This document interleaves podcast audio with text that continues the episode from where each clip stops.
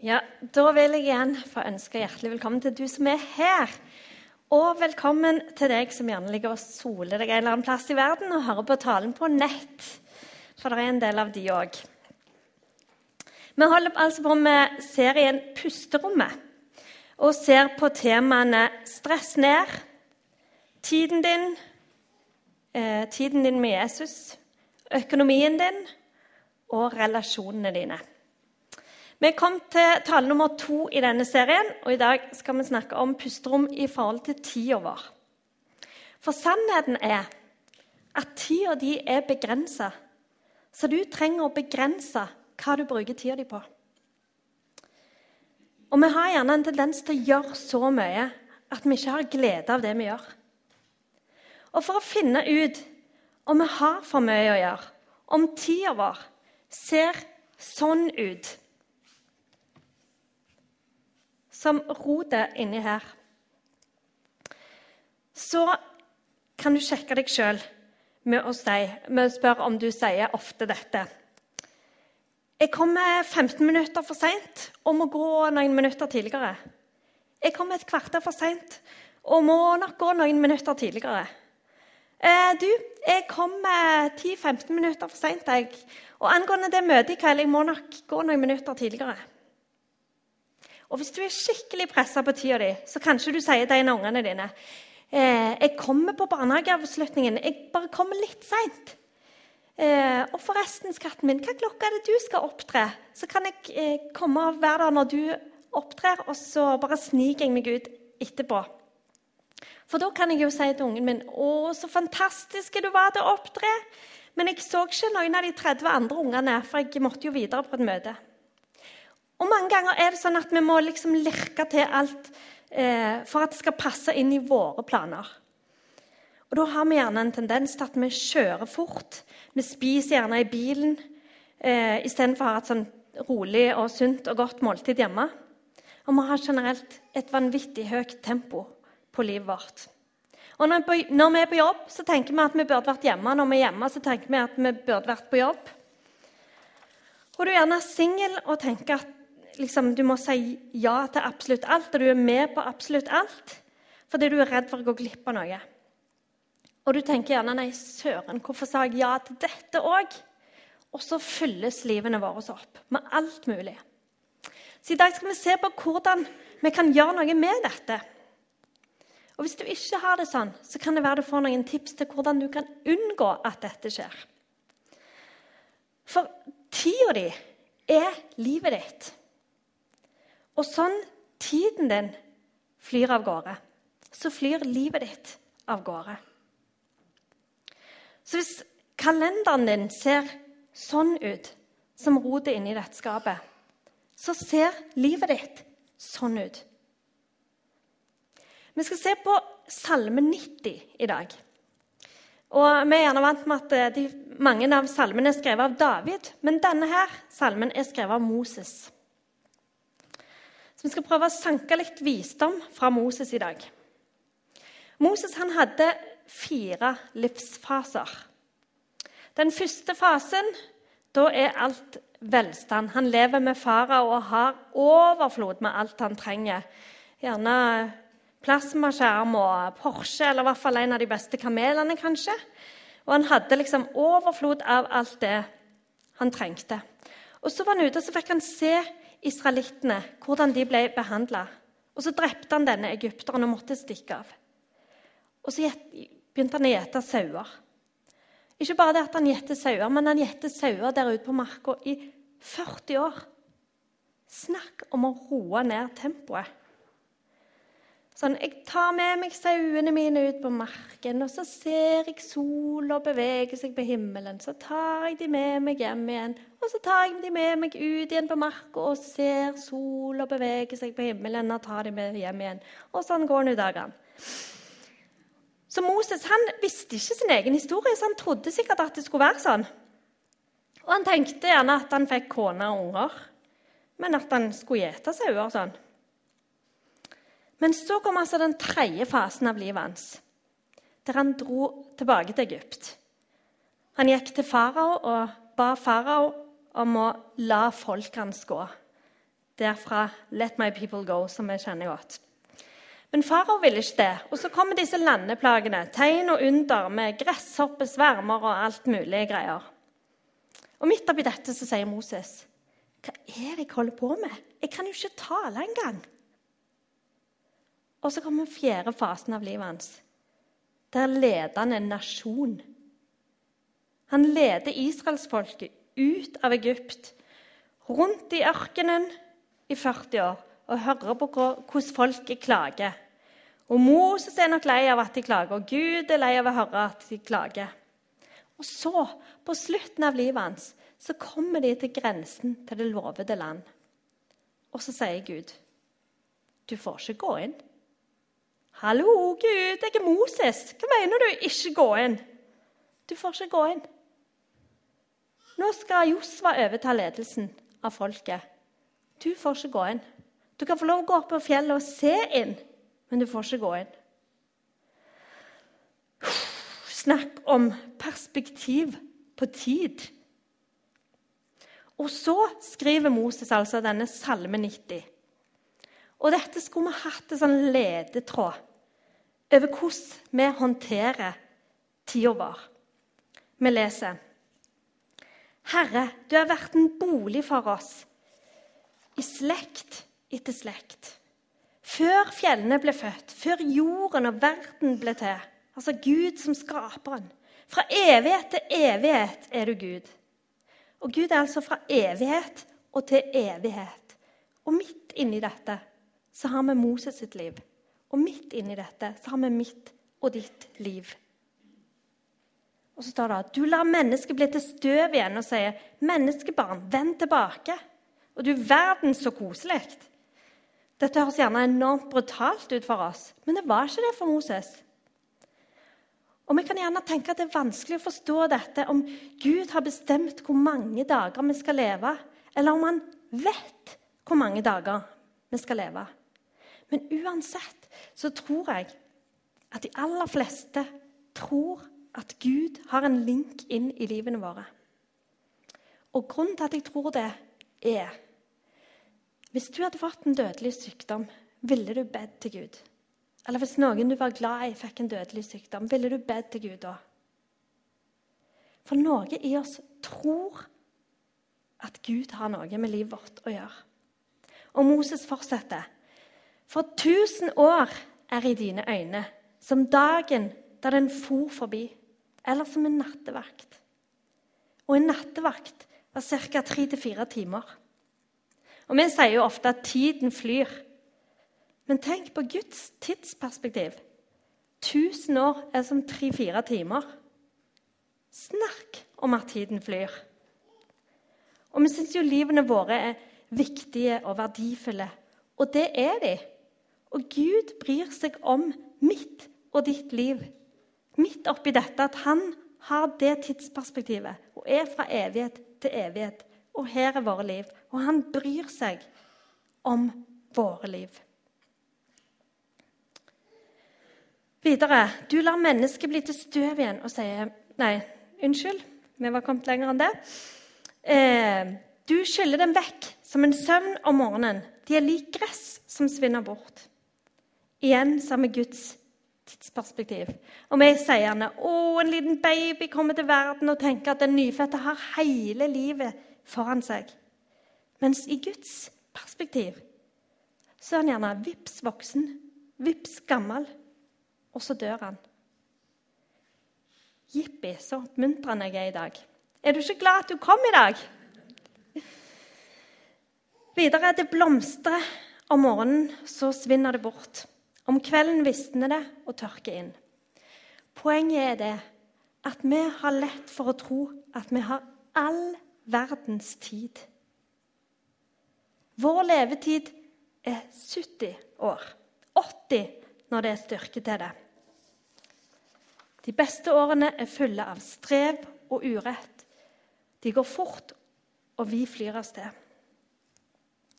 Hvis vi hadde fått sett og kjenne Gud sånn han virkelig er, så hadde vi nok gitt han den æren og oppmerksomheten som han fortjener. Hvis vi så Gud sånn han er, så ville vi nok revurdert hvordan vi bruker tida vår. Den tida vi har fått tildelt. Hvis vi forstår at vår tid er begrensa, så vil vi være nøye med hvordan vi bruker tida vår. Da vil vi gjøre noe med dette rotet vårt. Så kommer Moses til det enorme poenget. Den sterke og vise bønnen i vers 12. Lær oss å telle våre dager, så vi kan få visdom i hjertet. Vi lever vel egentlig som om vi har ubegrensa tid her på jorda. Vi bruker tida vår som om den varer evig. Som om vi har familien vår evig, jobben vår evig. Som om alt er ubegrensa. Vi trenger å lære å telle dagene våre. Sånn at det kan føre til at vi får visdom. Sånn at når vi har det sånn rotete i livet vårt, med alt det som blir fulgt opp av nyttige og unyttige ting, så kan vi få visdom til å vite hva vi trenger, og hva vi trenger å ta ut og kvitte oss med. Eller hva vi trenger mer av, eller hva vi trenger mindre av.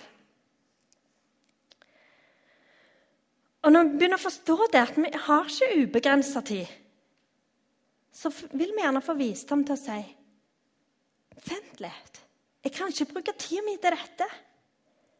Jeg må stoppe med det, og så må jeg begynne med det. Eller vi gjør mer av det og mindre av det. Og ved å huske at tida vår er begrensa, kan vi få visdom til å vite hvordan vi skal bruke vår begrensa tid. Jeg har lyst til å fortelle en historie om ei som heter eh, Bronnie Ware. Hun er en australsk, australsk sykepleier som jobber på hospice sammen med folk som har omtrent tolv uker igjen å leve. Og etter hvert så begynte hun eh, å spørre pasientene sine er det noe du angrer på i livet. Og de svarene hun fikk, de har blitt til en bok. The top five regrets of the dying. Altså de topp fem tingene som folk angrer på når de vet de skal dø. Jeg skal ikke ta for meg alle disse fem tingene, men jeg har lyst til å nevne de to toppene for dere. Nummer to som folk angrer på, det var at de hadde jobba for hardt. At de brukte for mye tid på jobben. Og dette kom fra hver eneste mannlig pasient hun hadde. Fra kvinner òg, men fra hver eneste mann. Og Det betyr at hvis vi ikke lærer å telle dagene våre, og huske at vi ikke har all verdens tid med verken ungene våre, ektefellen vår, familien vår, venner, så kommer vi til å ende opp med uunngåelig anger. Vi kan ikke gå tilbake i tid, og vi kan ikke få leve om igjen. Og nummer én av det som folk angrer på når de hadde kort tid igjen å leve. Er gjerne spesielt nyttig for deg som er ung, men selvfølgelig for oss alle, for det er aldri for seint å gjøre noe med ting. Men nummer én er altså at de ikke hadde mot til å være seg sjøl. I stedet for å bli fortalt av andre hvordan det skulle være, hvordan de skulle leve. I stedet for å leve opp til andres forventninger. For når de så tilbake på livet, så så de drømmene som ikke var gått i oppfyllelse. Og de fleste hadde ikke gitt oppmerksomhet til halvparten av drømmene sine engang. Og de måtte se at drømmene døde hen pga. de valgene som de hadde tatt eller ikke tatt. Fordi de ikke vågte å være tro mot seg sjøl. Fordi de ikke vågte å være den som Gud hadde skapt dem til å være. For han har skapt oss til å være oss, ikke de andre. For de er der jo allerede. Helse gir en frihet som veldig få forstår før det er for seint og de ikke har helse lenger. Så sier det igjen. Helse gir en frihet veldig få forstår før det er for seint og de ikke lenger har helse. Og nå har vi gjerne fått litt visdom til å leve som om dagene våre var telt. Og hva gjør du med det? Vi vet at tida vår er begrensa, så vi trenger å begrense hva vi bruker tida vår på. Så tenker du kanskje at ja, men hvis jeg ikke jobber hardt, hvis jeg ikke oppnår det og det Hva da oppnår det? Hva hvis vi ender opp med å bruke tida vår på feil det? på feil ting. Gud har noe spesielt for deg. Og det kan være lett å gå glipp av hvis vi bare følger strømmen i det temp høye tempoet og lar livet vårt bli fulgt opp av alt mulig. Gud har òg noe spesielt for familien din. Og kanskje trenger du å ta tak i hvordan du bruker tida di. Og kanskje er det en god tid nå når det er ferietid for mange. Å få roa ned litt og reflektert litt og drøfta litt med Gud i forhold til hva du trenger å kutte ut. Hva du trenger å begynne med. Hva du trenger å gjøre mer av eller mindre av. Og Her snakker vi ikke om sånn moderne selvrealisering, der vi skal sette oss ned og sende mail rundt Eh, og si fra oss alle verv som vi har på alle områder, for å sitte ned og nyte oss sjøl og våre ting. Det tror jeg ikke vi blir lykkelige av. Og Da blir det som om vi bare drar ut alt rotet og legger det på gulvet. Det hjelper ikke noen. Og Kanskje handler det mest om omprioriteringer. Så nå kan du ta fram det arket som du fikk når du kom inn. Så skal vi lytte til Den hellige ånd som bor i alle som tror. Bruke dette arket til å fylle ut på pluss hva du trenger å begynne med, på minus hva du trenger å slutte med. Også disse krokodilletegnene som jeg kalte det da jeg gikk på skolen. i hvert fall. Hva du trenger å gjøre mer av, og hva du trenger å gjøre mindre av. Om du ikke gjør det nå, så kan du ta det med deg hjem og tenke litt over det. Jeg tror det kan hjelpe oss i gang med å få litt orden på livet. Sånn at det, livet vårt kan heller se litt mer sånn som dette ut. Med litt orden. Det er tross alt bedre når vi har oversikt. For Gud har gode planer for livet ditt. Han ønsker å være din hyrde. Han ønsker at du skal ha rom innimellom til å ligge i grønne enger, til å ha det godt, til å ha pusterom. Og bruke den begrensa tida som vi har her på jord, til det som virkelig er viktig. Til å være midt i Guds plan for ditt liv.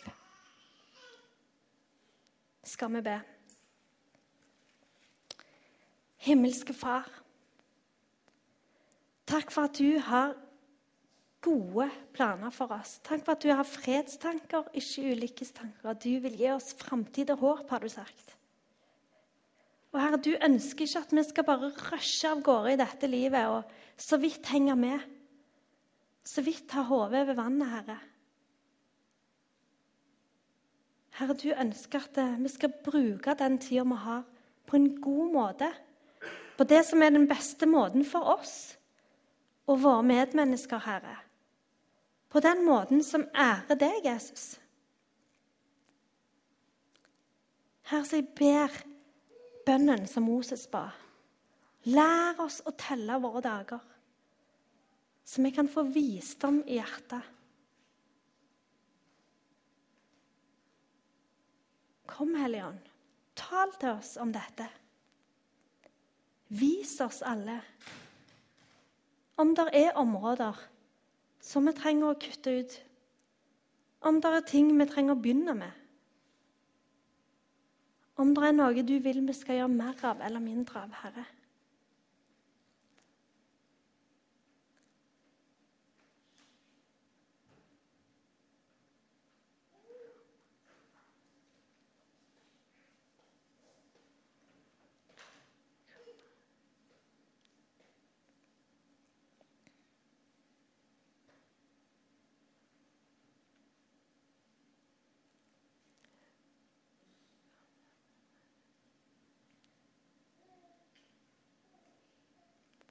I Jesu navn. Amen.